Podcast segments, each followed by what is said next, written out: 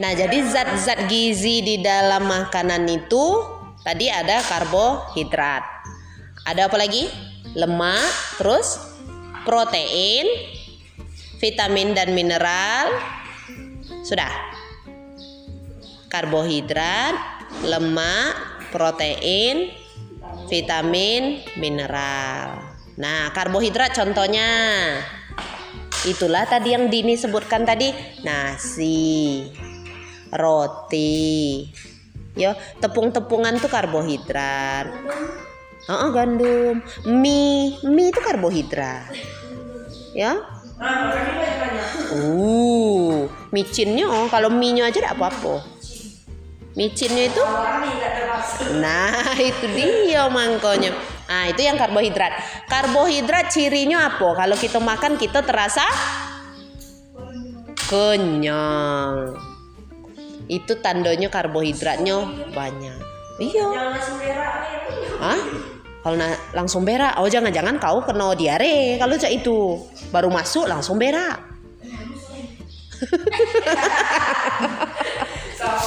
Nah, udah itu karbohidrat ya. Kalau orang Indonesia karbohidratnya yaitu beras, nasi, jagung, ubi. Nah, itu karbohidrat orang Indonesia. Kalau orang luar negeri sana itulah banyak mie. Ya, mie mereka lain rasanya dengan mie kita.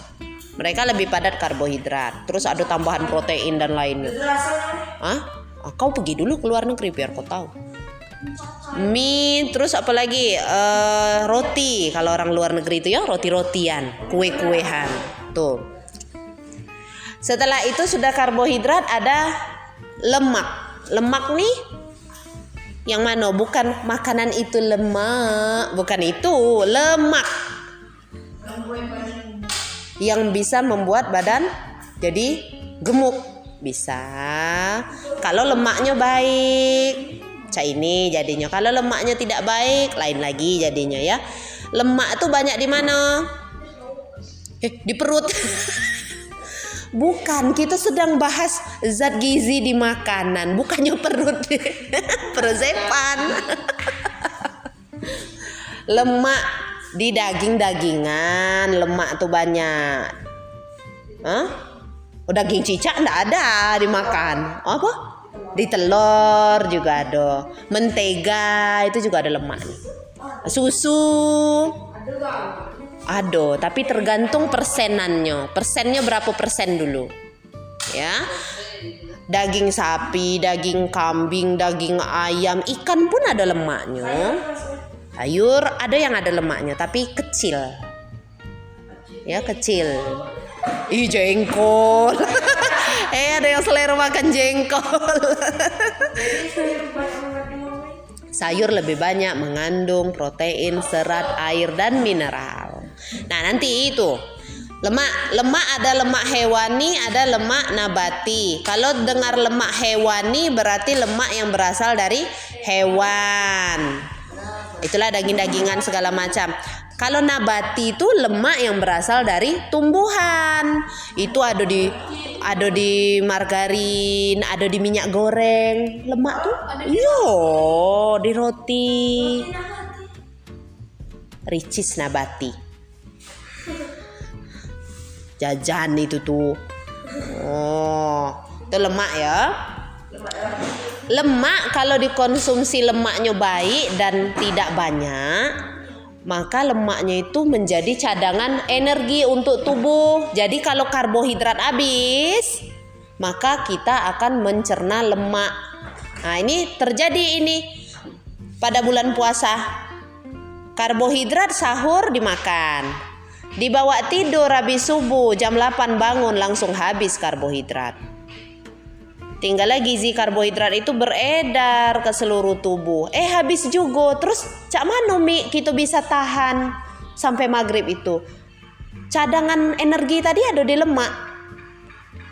Nah, kalau lemaknya sering diolah, badan masih bertenaga. Tengok orang kalau puasa tuh masih ada yang bisa jogging, masih ada yang bisa main bulu tangkis kan, masih ada yang bisa main sepeda. Padahal perutnya kosong sudah kosong lem, ini karbohidratnya yang digunakan dari mana dari lemak Nah, seharusnya memang kalau lagi puasa yang tadinya lemaknya bertumpuk di dalam badan itu nanti di akhir bulan puasa pas Idul Fitri bisa langsing, ya Pak Is? Kalau lemaknya banyak pas Idul Fitri itu bisa langsing. Kalau dia bebukonya pacak nahan diri. Ini pas bebuko nengok bukuan cak setanan belum buko baru jam 4 lah ngintip aja ke warung tempat orang jual kue ya pas ke pasar uh itu gendak itu enggak mau beli nih mau beli nih mau beli nih habis sudah. Pas bebuko nyam nyam nyam nyam nyam nyam nyam nyam nyam nyam. Lah kenyang sebenarnya. Tapi kalau yang nafsunya besar tahan-tahan maghrib jadi belakangan. Pas terawih tidur dia di sejadah tidak jadi terawih. Ah kalau bisa nahan diri, nahan nafsu waktu e, berbuka puasa, itu Idul Fitri memang bisa langsing. Tapi kalau tidak bisa menahan diri jadinya langsung azepan, langsung mekar badannya. Lihatlah Zepan. Kau banyak makan buku puasa ya? Apa iya? Ah, Nian, ay sedih, sedih aku. Kau berbuku di sini aja kalau tahun-tahun berikutnya di sini banyak makanan. Macam tak jadi kau kelak terawih. Ngicunya tuh. Tak mungkin. Pipinya tuh menunjukkan soalnya. iya, sudah isa tidak terawih berarti kau. Kau tidak terawih. Baca niannya jawabnya. Dah, itu yang lemak tadi ya. Protein. Protein juga sama kayak lemak. Ada yang protein hewani, ada yang protein nabati. Protein hewani ada di mana, Mi? Masih daging-dagingan juga punya protein. Apalagi ikan gabus. Nah, itu ada proteinnya. Makanya kalau proteinnya tinggi, itu biasanya dicari untuk orang supaya cepat uh, sembuh setelah dioperasi. Hah? Iya, karena ngapo? Fungsi fungsi protein, nah dengarkan. Fungsi protein itu untuk meregenerasi sel-sel yang rusak. Memperbarui sel-sel yang rusak. Itu guna protein. Nah, jadi kalau mukonya banyak jerawat, yo lah, pecah-pecah ke mana-mana luko. Biar cepat sembuh banyak-banyak makan protein. Jadi kelak dieloi oleh protein itu yang rusak-rusak tadi diganti. Protein itu tahu tempe itu sumber protein nabati. Kacang-kacangan. Tapi kalau pacak jangan kacang tanah kacang goreng itu. Karena beberapa orang justru pas makan kacang goreng oh tambah besar jerawatnya karena ngapo di kacang goreng itu kan banyak lemaknya kan? Nah, jadi lemaknya justru bertumpuk. Makanya banyak makan ya, makan tahu tempe. Cak tahunya di sayur bening, campur sayur. Banyak-banyak makan tahu, tempe itu sumber protein nabati. Kalau di sambal, lah, ada lemaknya dari minyak goreng kan? Lah ada kolesterolnya dari proses penggorengannya. Hmm. Lah ada pedasnya. Ada orang-orang yang jerawatnya banyak numbuh gara-gara banyak makan pedas. Ah, makanya ditengok. Kalau misalkan kamu lah punya jerawat, kapan jerawat kamu tuh banyak tumbuh? Apa pas karena tidur malam begadang? Apa karena kamu banyak makan kacang? Atau kamu banyak makan pedas? Atau kamu banyak makan berminyak? Nah, ditengok. Kalau misalkan gara-gara begadang. Misal Yuda nih tidurnya jam 10. Malam ini tidur jam 10, besok tuh lado yang merah nak keluar. Berarti itu begadang. Makanya jangan sampai begadang jam 9 tuh waktunya badan kita tuh lah tidur. Nah, kalau misalkan ini pas makan kacang, tahu-tahu terasa gatal. Gatal. Ah, jangan lagi dulu makan kacang. Maka pedas juga cak itu. Kalau jerawat yang gara-gara makan pedas tuh biasanya sudah makan pedas tuh dia nampak merah. Sudah itu gatal. Nah itu gara-gara makan pedas tuh. Berhenti dulu makan pedas. Ada yang justru muncul gara-gara makan telur. Itu ngapo? Reaksi alergi. Jerawat tuh ada yang reaksi alergi. Memang bisul nak. Jerawat tuh bisul. Jerawat tuh bisul yang kecil. Bisul yang besar, nah itulah yang galak nemplok-nemplok di tempat-tempat yang di ketek, di sini, di bawah paha, di bawah lutut, di buntut, ya, daerah-daerah yang tersembunyi. Bisul di kepala, aduh lah. Umi kecil dulu kena bisul di kepala. Di buntut.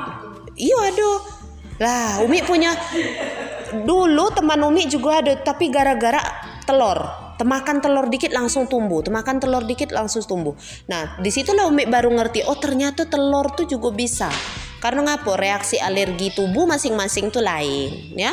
Makanya perlu kita banyak makan protein supaya ngapo kulit kita kinclong, kita juga giginya kuat, ya. Terus kita mudah tinggi kalau banyak makan protein sakit apa-apa di dalam badan kita tuh cepat hilang kalau banyak makan protein. Adanya di mana Mi? Kalau ada yang suka herbal-herbal, beli pro albumin namanya. Kalau tidak makan ikan. Ikan tuh banyak proteinnya. Udah usah ndak yang susah-susah. Ikan. Eh, apa iya? Nah, kalau panas perut berarti kau ada yang tidak cocok dengan ikan tertentu. Harus ditengok. Kita harus bisa mempelajari badan kita sendiri ya. Nah, sudah itu apa lagi? Protein. Ikan mungkus tahu ikan mungkus ikan gabus ikan selan. Nah itu proteinnya banyak. Ya proteinnya banyak. Siput-siputan. Tahu siput-siput? Siput yang galak ada yang dijual orang tuh yang lah dibuka segini-gini. Ah itu juga banyak proteinnya. Kerang banyak proteinnya. Udang remis. Ya banyak proteinnya. Banyak. Cuma kalau kepiting, udang itu proteinnya juga dibarengin dengan apa? alerginya, kolesterolnya. Nah, ya. Nah, itu. Jadi kalau ndak yang dari tumbuhan aja cak mana Mi? Nah, itu tadi kacang-kacangan. Tempe, tahu, pokoknya yang kedelai, susu kedelai, nah, itu juga bagus. Ya. Itu protein susu bir brand bagus protein hewani dan nabati. Terus ada yang tadi zat gizinya, vitamin dan mineral. Vitamin ada berapa macam? Vitamin apa aja yang kalian ketahui? A, B, C, D, vitamin E, terus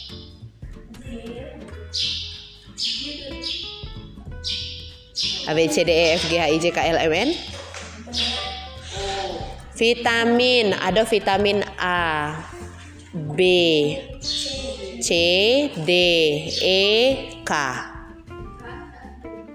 Nah, kalau vitamin B ini banyak macam. Ada B1, B2, B3, B6. Ini banyak macam dan itu sesuai dengan fungsi masing-masing. Ada fungsi-fungsinya. Itu vitamin. Vitamin yang mudah terserap di dalam lemak, mudah larut dalam air itu vitamin A, D. A, D, E, K. Vitamin C biasanya kerjasama dengan kalsium untuk memperlancar otot kita bergerak, terus untuk membuat kalsium mudah terserap di dalam tubuh sehingga kita mudah tinggi. Vitamin A untuk apa? Kesehatan mata, ya. Vitamin E lebih untuk ke kulit. Vitamin B banyak kalau vitamin B. Ada yang untuk uh, biar kita tidak kena beri-beri. Apanya? Beri-beri itu kakinya bengkak besar. Besar dari mulai pangkal betis sampai ke paha. Itu karena ada kuman yang masuk. Nah itu. Vitamin C vitamin D. Vitamin D itu tidak bisa aktif kalau kita tidak bawa berjemur.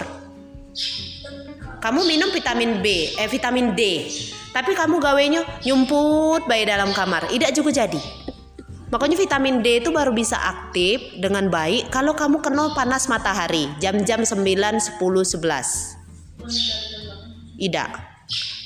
Sinar matahari yang bagus untuk badan itu jam 9, 10, 11. Tidak usah lama-lama 30 menit. Makanya kalau lagi dihukum di pesantren jam-jam 9, 10, 11 jangan ngeluh, bersyukur. Mungkin itu waktunya badan kamu dapat vitamin D yang banyak.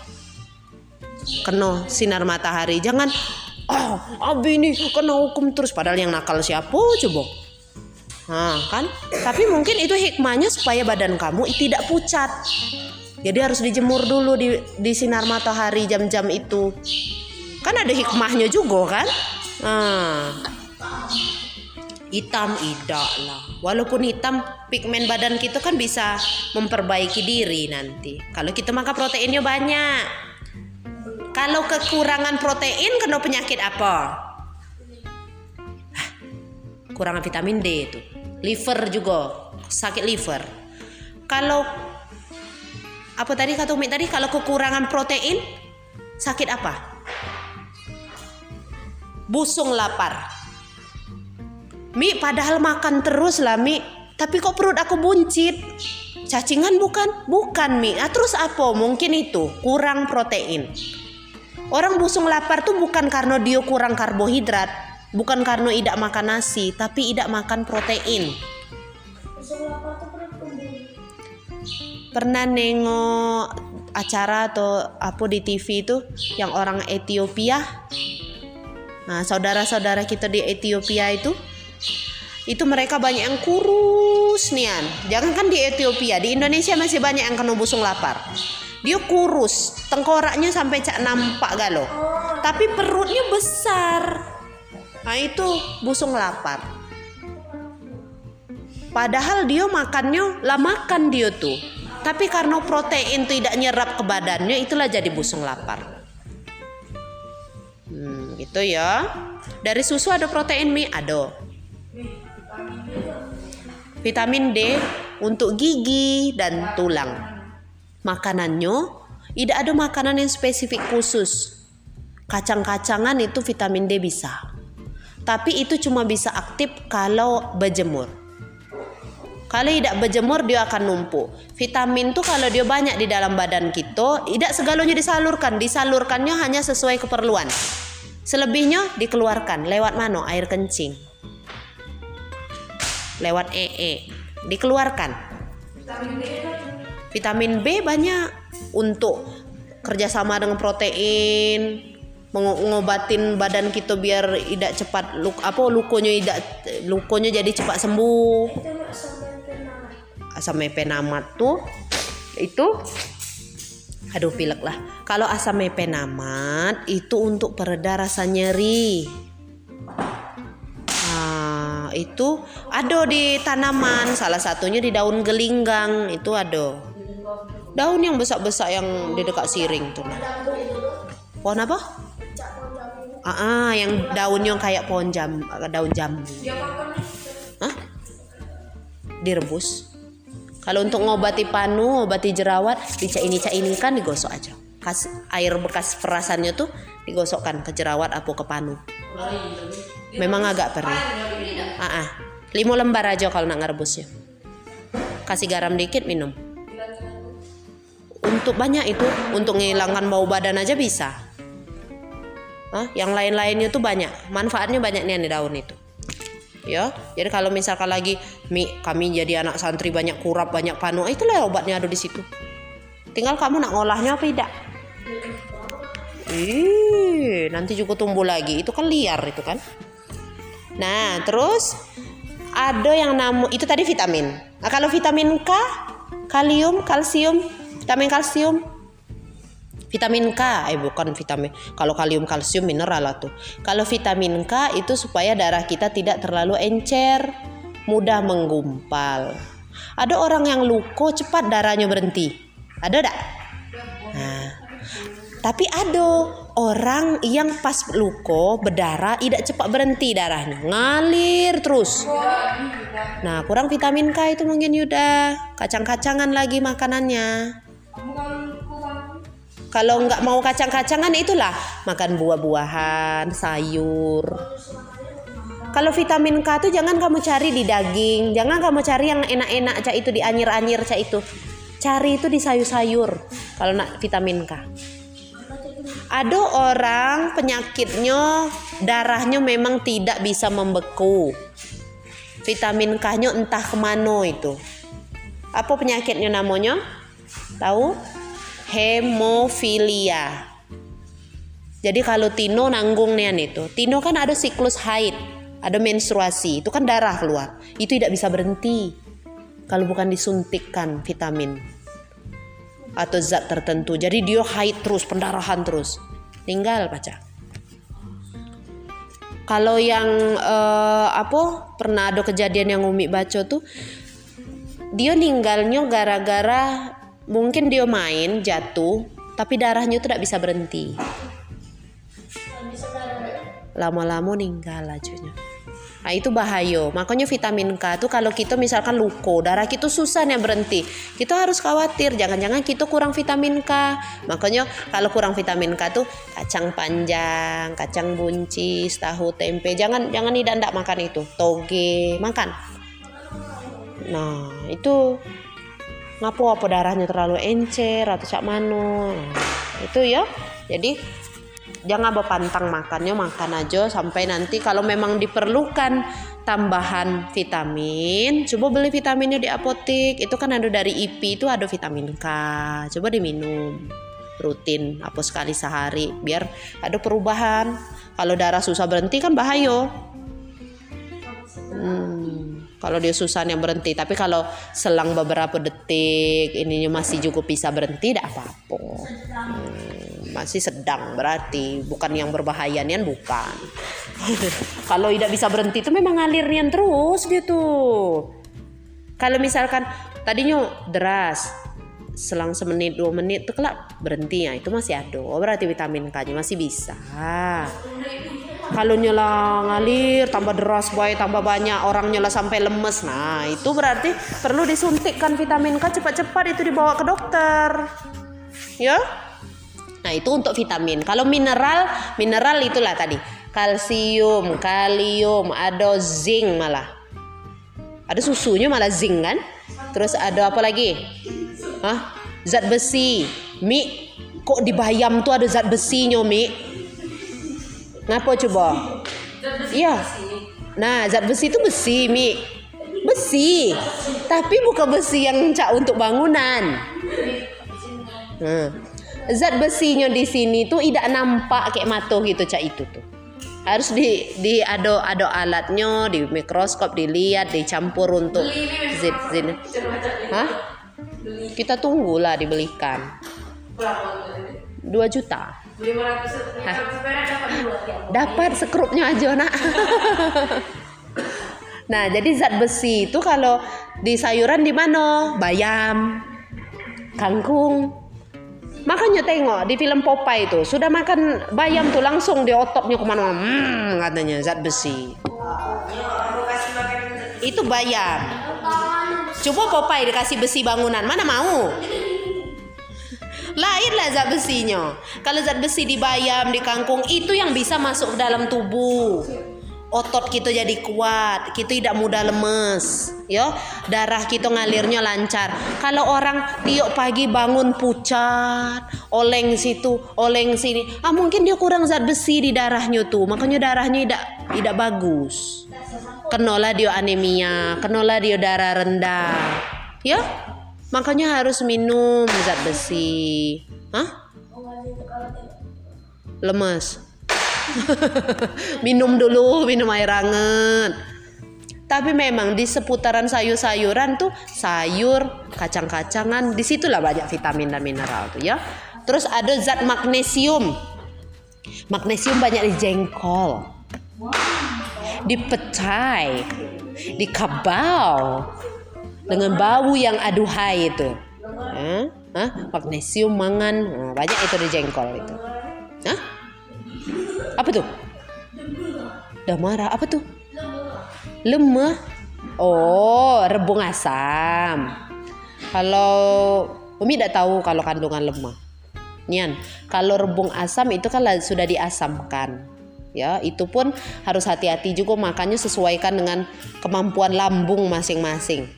Kalau lambungnya sudah punya banyak zat asam, kondisi badannya juga asam, tidak boleh lagi makan rebung asam. Kelak tidak bisa bergerak tuh. Yo sakit-sakit. Ada bedanya kalau kondisi badan kita asam, kondisi kita badan kita basah itu lain. Nanti itu belum belum jadi bahasan untuk kalian. Masih terlalu jauh. Nah, itu untuk makan dan minum. Minuman mie adakah air vitamin dan mineralnya? Ada. Air zam-zam. Uh. Air yang tidak ditemukan bakteri satupun. Dan partikel airnya itu seperti kristal-kristal. Nah, itu air zam-zam. Hmm. Hah? Bawe kau tuh kurang kerja, Pak Is. Masuk air zam-zam yang susah-susah dapet kau kasih pup. Itu kan aneh. Terus? Iya, mandi berkah.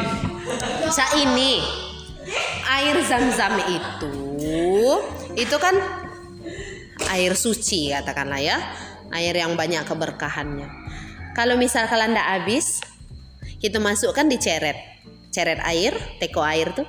Nanti raso air yang ada di teko air tuh Jadi ah, ah, berbaur nah apalagi kalau dimasukkan ke sumur air zam-zam yang di rukiah apalagi tuh Ah, itu banyak. Kalau dimasukkan ke sumur, kita mandi pakai air zam-zam, masak pakai air zam-zam ya kan, minum pakai air zam-zam. Uh, seru. Nah, itu. Apalagi kalau ini kalau untuk yang Tino, Dini ada yang face mist. Air zam-zam dicampur dengan putih bunga itu disemprot ke muka. Woi, rasanya segar sekali. Tak Oh enggak juga. Harganya 10.000 ribu Per botol. Itu sudah murah sekali 10.000 ribu. Patir. Oh belum nyenyak. Oh mikir tadi lah nyenyak. Kalau lah nyenyak tadi melempar pakai ini. Twing. Sudah itu untuk makan dan minum. Selain air zam-zam apalagi yang bagus tuh Air di dalam bambu. Air di dalam bambu itu Tapi bambu yang besar. Bambu kecil tuh tidak ada. Ka- Yo bambu pentung.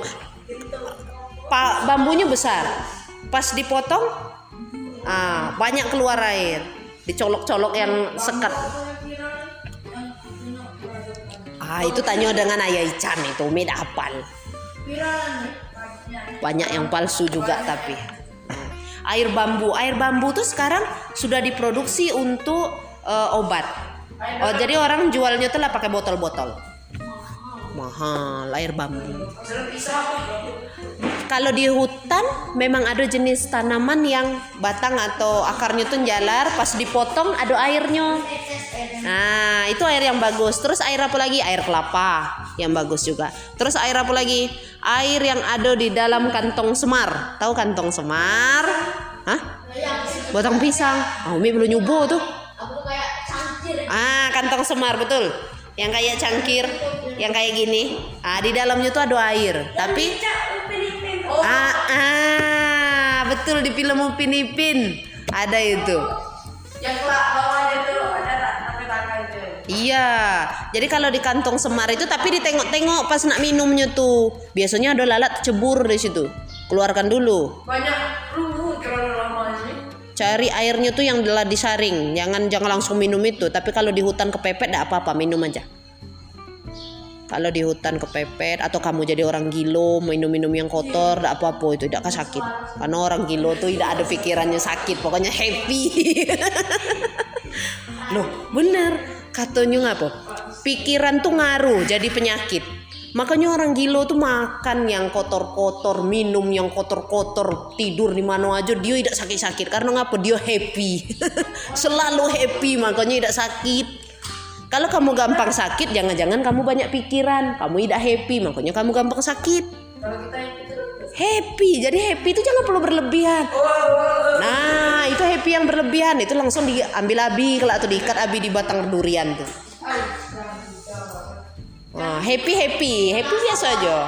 Jangan happy yang cak orang gilo. Kalau happy yang cak orang gilo, ah, bentar lagi gilo tuh. Biarlah, itu energinya banyak. Mungkin karena dia banyak makan manis kan. Kalau orang banyak makan manis tuh energinya lebih, dia bergerak terus karena otot ototnya dikasih makan terus. makan manis kan Berlebih. Ah masa iya kau tidak tahu?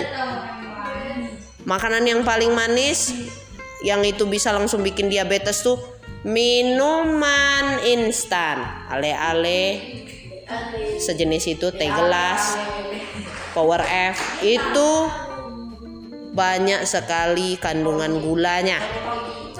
Coklat juga tuh. Tetap aja kerating deng. Itu Coca-Cola apalagi itu banyak sekali air apa airnya. Banyak sekali kandungan gulanya tapi bukan gula alami yang cak kita minum teh. Itu gula-gula buatan. Makanya tidak boleh sebenarnya masih seumur umur kalian minum-minum yang cak itu. Ah nanti mudah kena diabetes. Sama aja.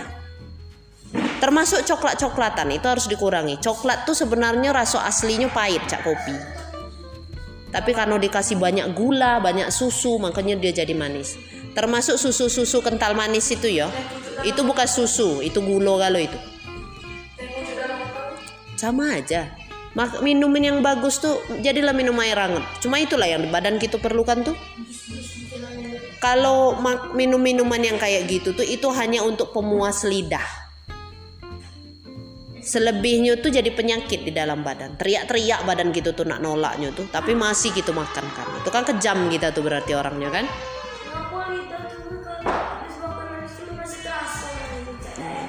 ya karena itu mungkin terlalu banyak. Permen-permen makan permen boleh tapi jangan banyak. Kalau banyak tuh bukan karena giginya takut berlubang bukan. Tapi itu gulonya banyak. Kamu mudah jadi kena diabetes. Aduh dulu di tempat Umi itu masih seumuran cak kalian nih lah. Kelas 1 SMP apa 3 SMP banyak minum minuman teh gelas ale-ale oke jelly drink sprite yang cak-cak itu. Ninggal. Diabetes. Akut ternyata. Iya. Es krim masih juga. Makanan dingin tuh sebenarnya tidak bagus untuk badan. Kalian dingin. Makanya kurangi makanan tuh yang hangat. Dia tuh bergumpal di dalam sini gitu kelak pokoknya jangan banyak-banyak. Umi tengok masih banyak ini yang minum-minum yang cak itu. Kurangin kalau pacak berhenti. Ya. Bahaya. Bukannya tidak enak. Eh, Mumi tahu itu enak tapi itu tuh bahaya. Hmm. minuman yang itu halal halal. Tidak ada kandungan haramnya. Tapi yang bikin haram tuh kalau itu jadi merusak badan kita. Ah itu jadinya jatuhnya jadi haram. Sama cak merokok sama, sama cak merokok loh merokok itu tuh tidak haram tidak ada kandungan babinya di dalam rokok tapi kalau sampai merokok itu merusak merusak badan kita, buat kita lalai beribadah, itu jadinya haram.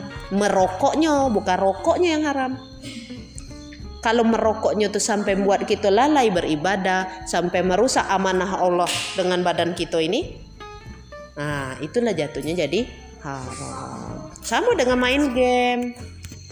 Kalau sampai gara-gara main game, kalau sampai gara-gara main game, kita tidak ndak lagi sholat, tahan tidak nak puasa, gawe kita maling. Nah, jadi haram lah kita bermain game itu. Bukan gamenya yang haram.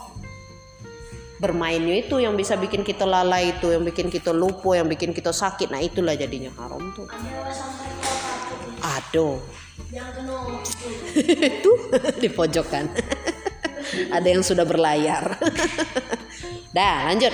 Ciri makhluk hidup yang berikutnya. Uh, baru ciri makhluk hidup aja lah banyak Mi yang dijelaskan. Nah, yang dengar cuma cengok-cengok aja catat. Ida, oh kasihan. Ciri makhluk hidup yang berikutnya tumbuh dan berkembang. Cak mana tumbuh dan berkembang maksudnya? Lain, berkembang dengan berkembang biak.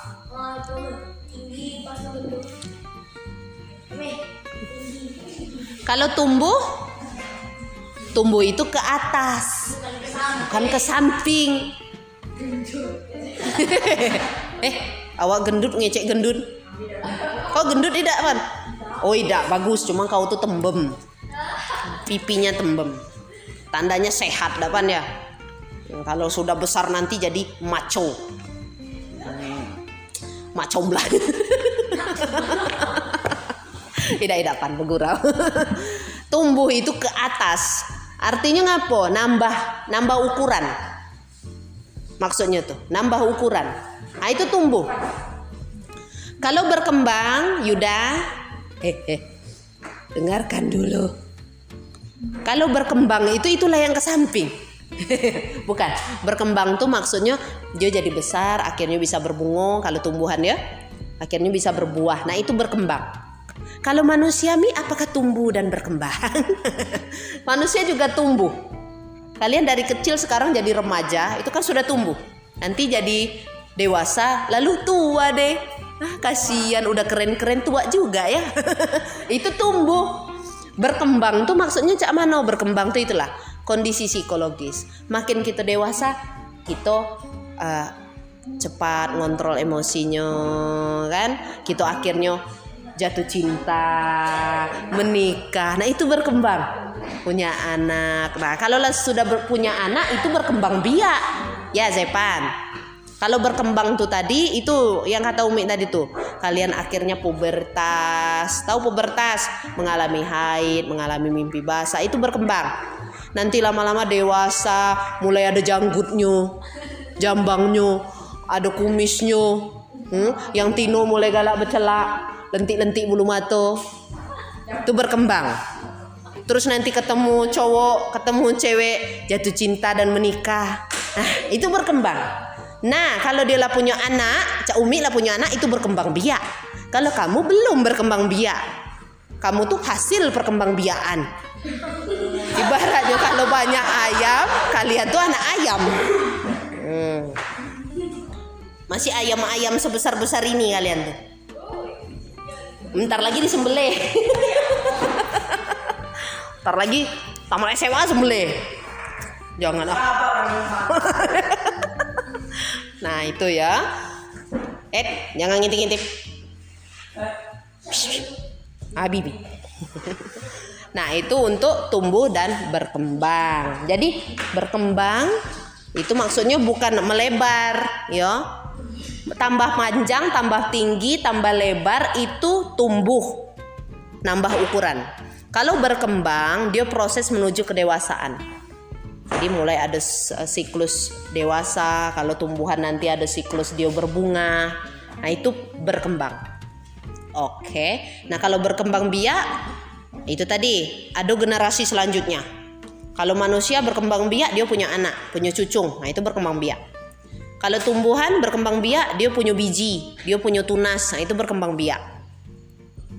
Ya. Kalau tumbuhan, ya nikah tuh tidak pakai resepsi cak gitu, pakai organ kalau tumbuhan nikah mah. Kalau semangko, perenggi, labu-labuan itu kita yang nikahkan.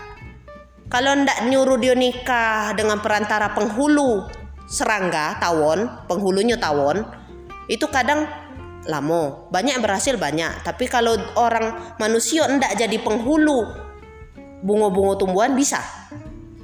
Ini bunga tino, ini bunga lanang. Petik bunga lanangnya, rontokkan uh, apa kelopaknya terus tinggal benang sarinya aja oles-oleskan di bunga tino sudah tunggu deh bunganya jadi buah. Bunga tinonya kelak jadi buah.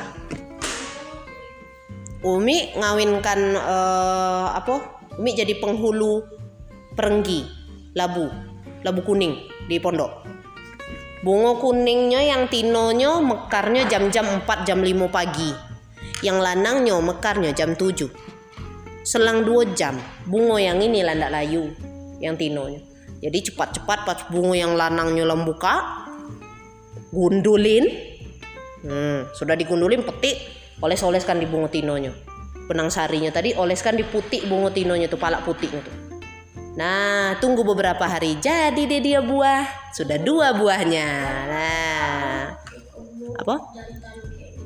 harus tahu kalau bunga tino dia ada cak uh, buahnya kecil tapi jendol di bawah. Sini ini cak buah kecilnya di sini baru bunganya kalau bunga lanang tidak tangkai aja tangkai bunga tidak ada bentolnya itu tidak ada kalau bunga tino ada nah kalau jagung lain lagi.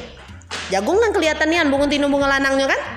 Bunga tinonya yo yang jadi jagung tuh yang jadi jagung kecil yang cuma besurai-surai itu aja kan? Cak rambut yang pacak dikepang. Nah itu bunga tino. Kalau bunga lanang itulah yang mekar banyak di pucuk tuh yang cak padi tuh diambil benang sarinya tuh caranya cak mano apa nak dipotong terserah.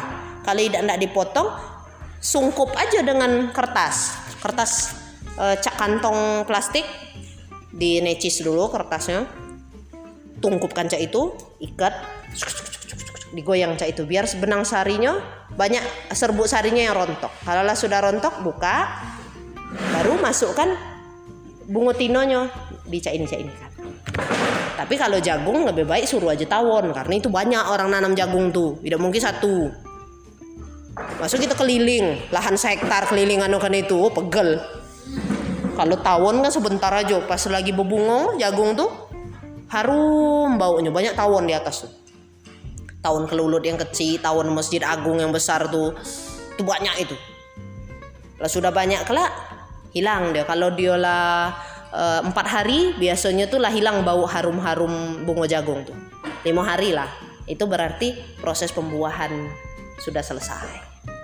Ya sudah siap untuk jadi jagung yang berisi padat. Waduh mengana. Oke itu berkembang biak sudah. Kalau di hewan berkembang biak macam mana? Cara berkembang biak hewan ada tiga. Ayo apa ovipar vivipar ovovivipar kalau ovipar apa? Bertelur ovo. Ovipar. Ada o nya berarti bertelur itu kalau ada o bulat cak telur. Kalau vivipar ber beranak kalau bertelur beranak nah itulah ovo vivipar berarti mi aplikasi ovo tuh telur iya telur duit maksudnya di situ ya ovo vivipar ada tiga ovipar apa aja contohnya bertelur banyak ya, unggas-unggasan, reptil-reptilan. Hah? Ya, tidak ada daun telinganya. Itu bertelur. Tidak ada telingo, Mi. Bukan tidak ada telingo. Tidak ada daun telingo. Cuping telingonya itu tidak ada. Kalau lubang telingonya ada. Cupingnya. Bukan hidung aja yang bercuping ini. Tidak ada. Kalau vivipar beranak, nah itu cirinya itu ada cupingnya. Tapi selain itu ada lagi ciri yang lain. Tidak pacak kita ngandalkan kupingnya aja. Entah dia lagi cacat kan kupingnya ada daun telingonya. Cuma ada lubang. Ciri khas lain. Kalau yang beranak punya kelenjar susu. Bisa menyusui anaknya. Nah, itu ciri khas dia beranak berarti vivipar monyet ada kelenjar susunya nyusui anaknya berarti dia beranak bukan betelok beranak dia tuh. Nah terus apa lagi? Kucing anjing babi gajah. Lah ikan paus nyusuin anaknya. Nyusuin? Ada. Walaupun tidak ada daun telinganya dia nyusuin anaknya. Nggak paus tuh. Anaknya nempel di sini nyusu. Ayo bayi berenang. Ya kalau kamu tidak cak itu. Masuk kamu tidak suruh? Cak ini ibu kamu kamu nempel cak itu berenang. Bisa lah. Orang lain lagi jaronya. Monyet lain lagi. Tengok kalau monyet cak mana anaknya. Bepeluk deh kan. Ini emaknya dia bepeluk sampai nyusu. Ya. Masa kita nak dibikin cak itu? kita manusia. Kalau monyet kan merangkak. Nah, kalau kodok apa? betelur kangguru beranak tapi dia boboknya di dalam perut ya tanyalah dengan Allah ngapalah ciptakan kantongnya hmm. itu kan kena keanekaragaman makhluk yang diciptakan Allah hmm.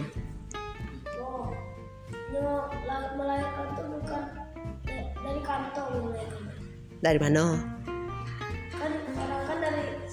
hmm, dari dia lah ado ininya lah ado dari apa tempat rahim dia tuh tidak pakai operasi sesar kalau kangguru tuh lah ada kancingnya resletingnya di situ. Set nah, keluar. Kalau gitu tidak baca cak itu. Ngapa Zepan ada cita-cita nak pakai kantong?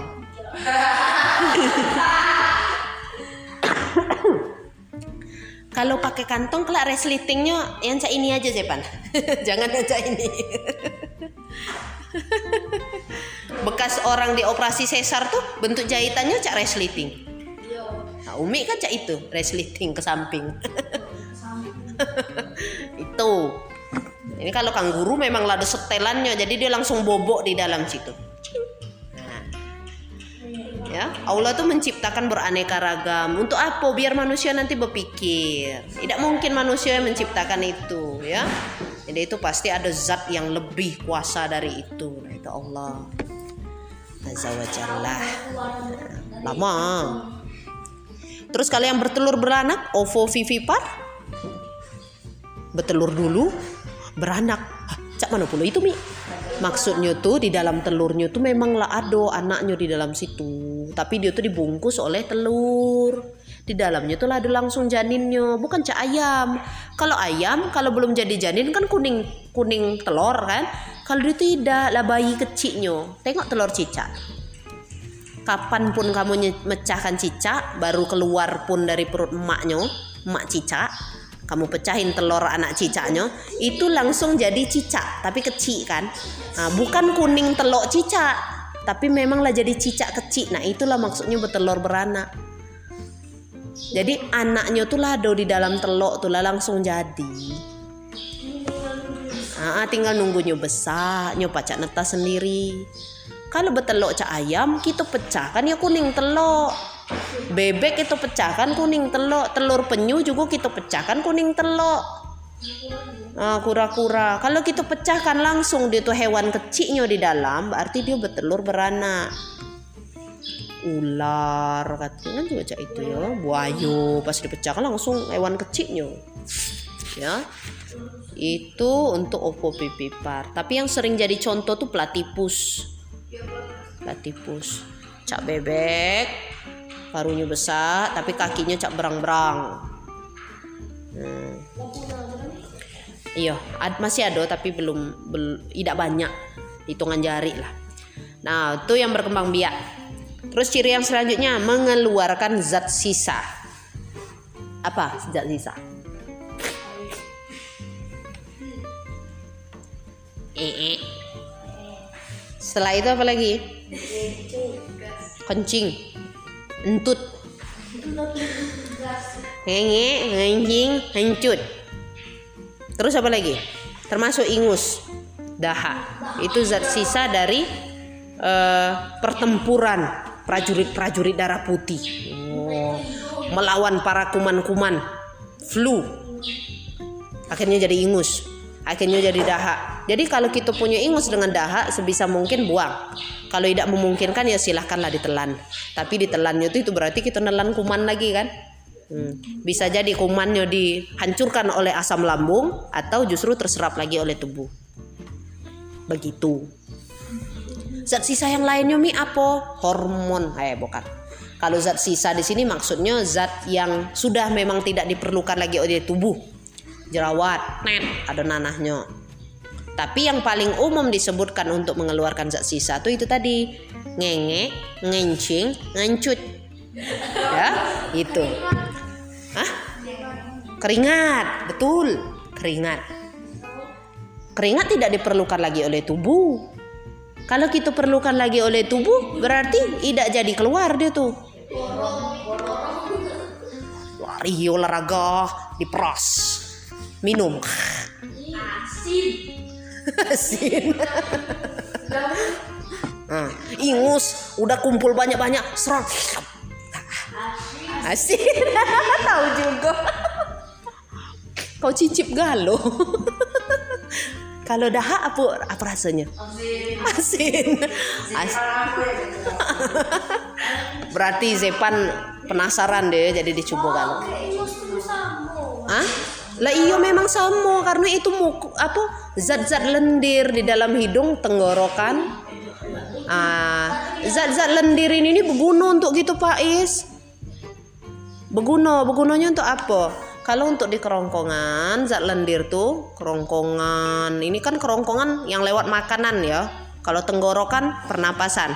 Kalau kerongkongan lewat makanan biar apa kerongkongan kita tidak mudah luko masuk makanan tidak mudah tersangkut tulang apa itu tidak mudah tersangkut kalau lapisan lendirnya bagus nah kalau tahu-tahu pas makan tuh ada kumannya itulah kita batuk kita ada dahak itu kumannya itu diperangi dengan prajurit darah putih yang di sini. Ini banyak itu prajuritnya.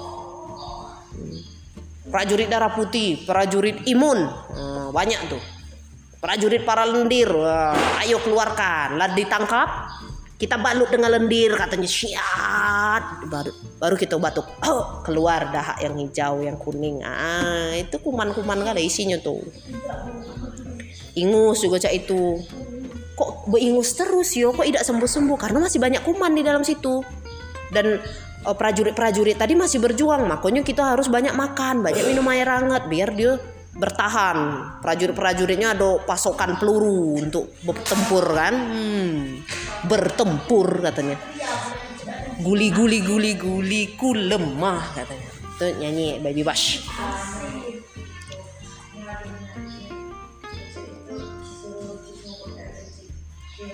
eh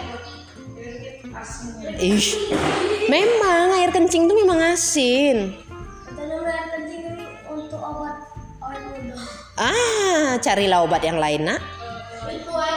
Mending mending minum air zam-zam aja. Poin air kencing. Memang air kencing tuh bisa untuk jadi obat, tapi tidak semua. Air kencing itu kan lazat sisa dari tubuh kita.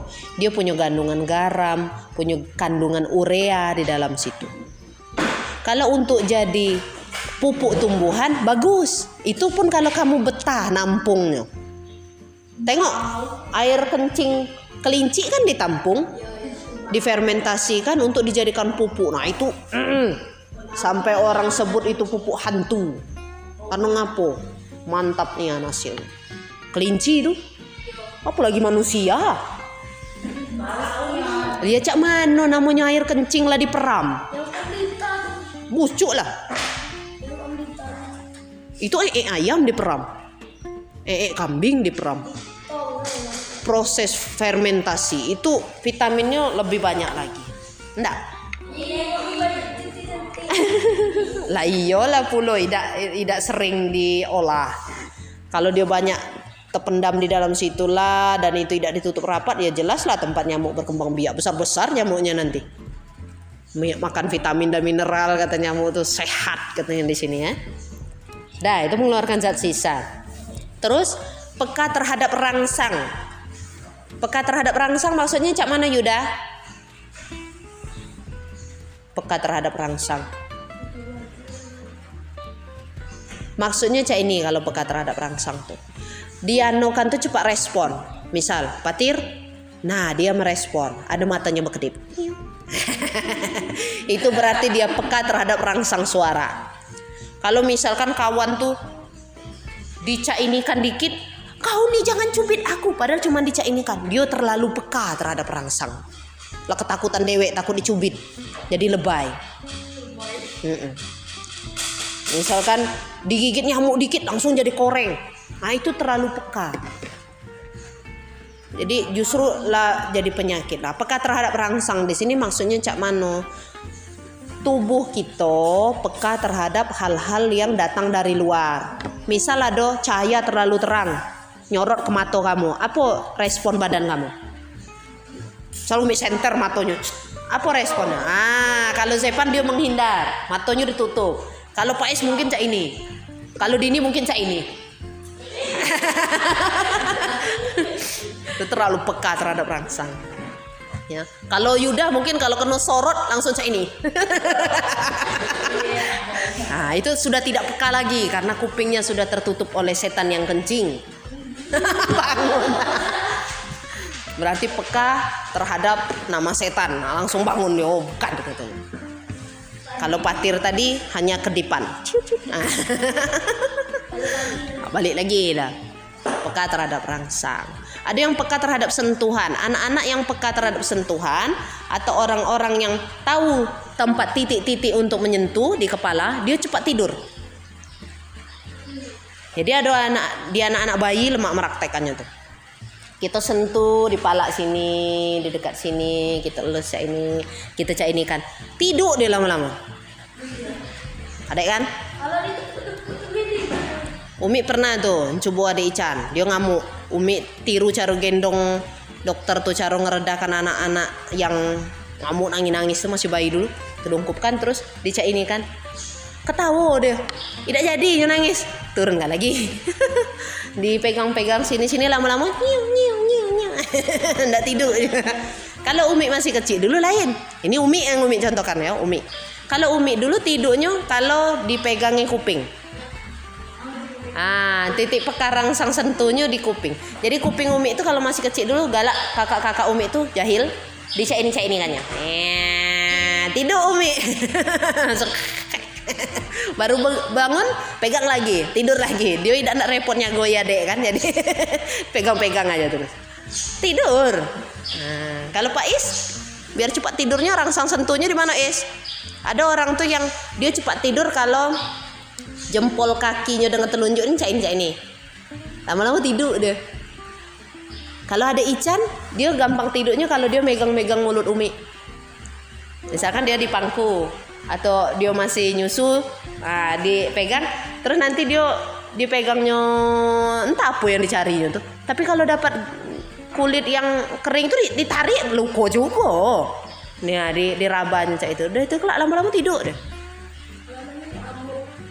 Rambut. Oh ya lain-lain. Kebiasaan orang tidur kan lain-lain. Ada juga yang tidurnya harus ngangkang. Cepat dia tidur. Ada yang kayak itu ada yang harus tangannya ke atas ini ada yang harus nah ada yang nah kan ada yang harus kayak orang bergaya iya ada yang harus kayak Iko ya macam-macam ya rangsang terhadap rasa ngantuk.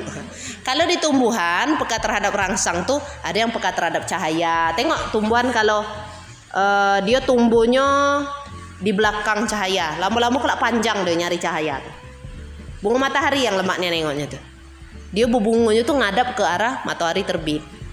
Bunga matahari itu banyaknya, ya. Kalau tanaman cak bunga krokot tuh dia kalau cerah matahari dia cepat mekarnya. Kalau mataharinya tidak cerah, dia lama. Mekarnya lama.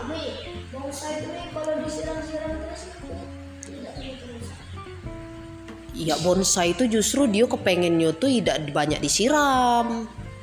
Disiramnya seperlunya aja. Kalau banyak disiram, vitamin dari di dalam tanah tuh banyak hanyut.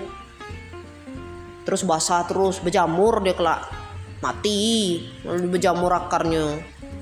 Busuk akarnya. Sama cak kaktus. Galak dia banyak-banyak disiram.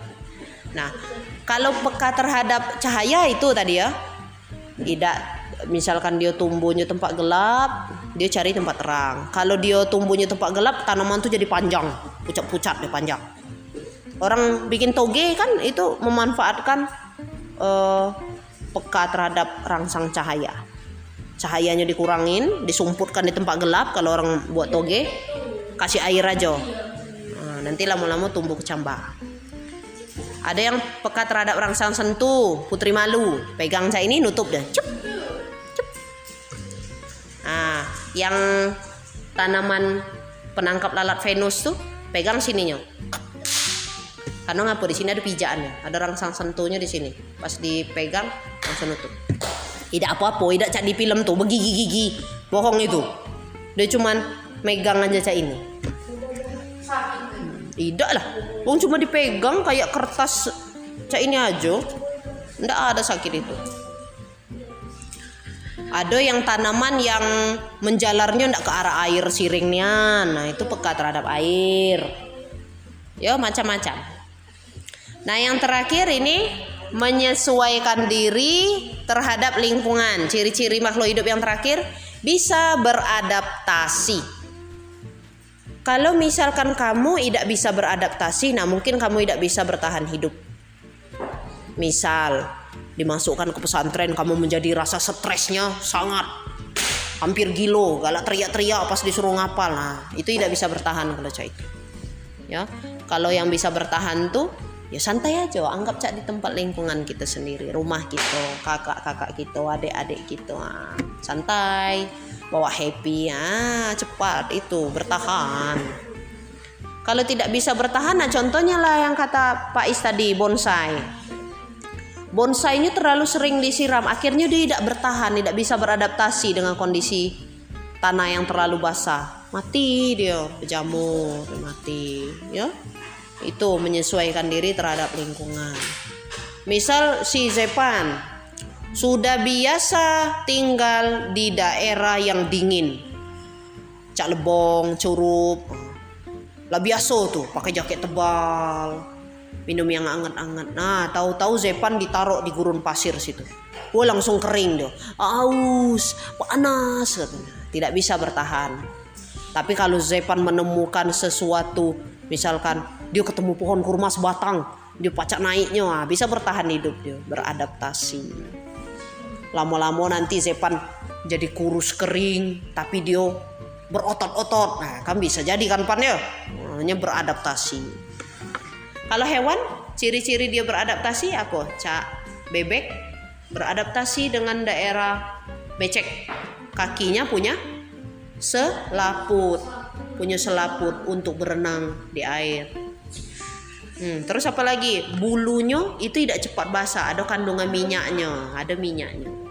Terus ininya paruhnya sudu, nah baca nyosor. Nah, kayak sendok nampung. Umi, waktu bebek Umi gak gak lo makan tuh biasanya kan kalau di Indonesia itu lo makan ikan kecil banyak kalau ikan besar ya cak takut cak. Iya kalau tidak muat. Dia mungkin orangnya ndak apa makhluknya juga ndak praktis. Ngapain katanya makan yang besar besar kelak belagu segala macam habis energi katanya. Mak makannya kecil kecil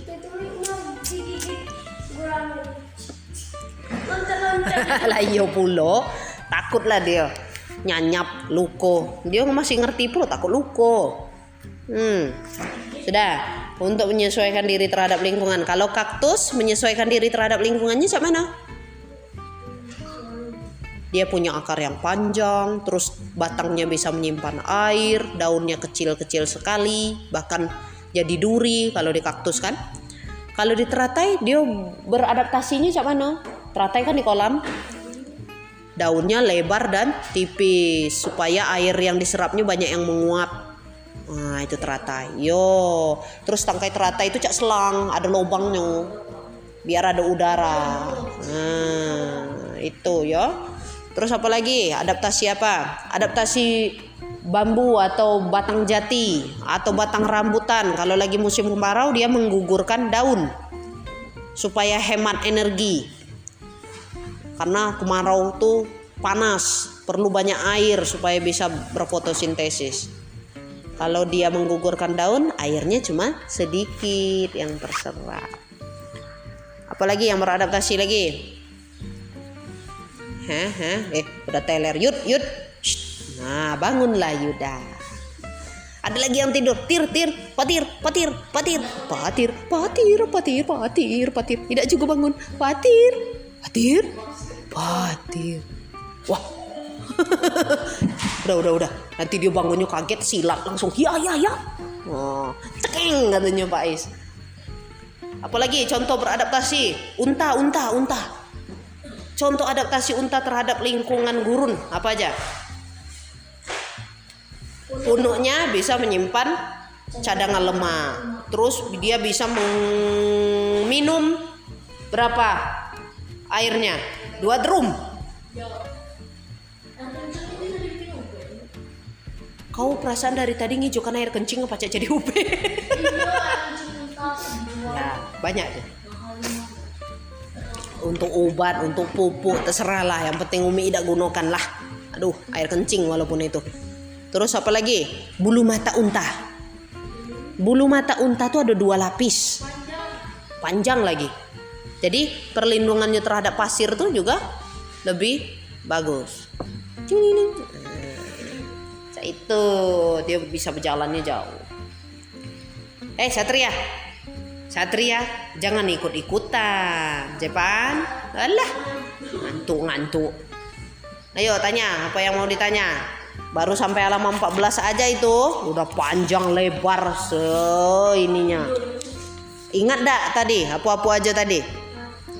Kalau tidak ingat, syukurin.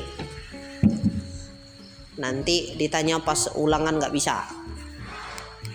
Dibaca lagi, baca lagi buku-buku SD-nya. Nanti kita jelaskan dulu. Kita tuh ngejar materi supaya nanti di bulan Oktober kita sudah selesai materi dan kita bisa ulangan. Silahkan tanya. Kalau tidak bertanya, Umi yang tanya. Ayo pilih mana? Mau nanya atau ditanya? Hah? Istirahat. Oh betul. Apakah sekarang jam istirahat? Mari kita lihat.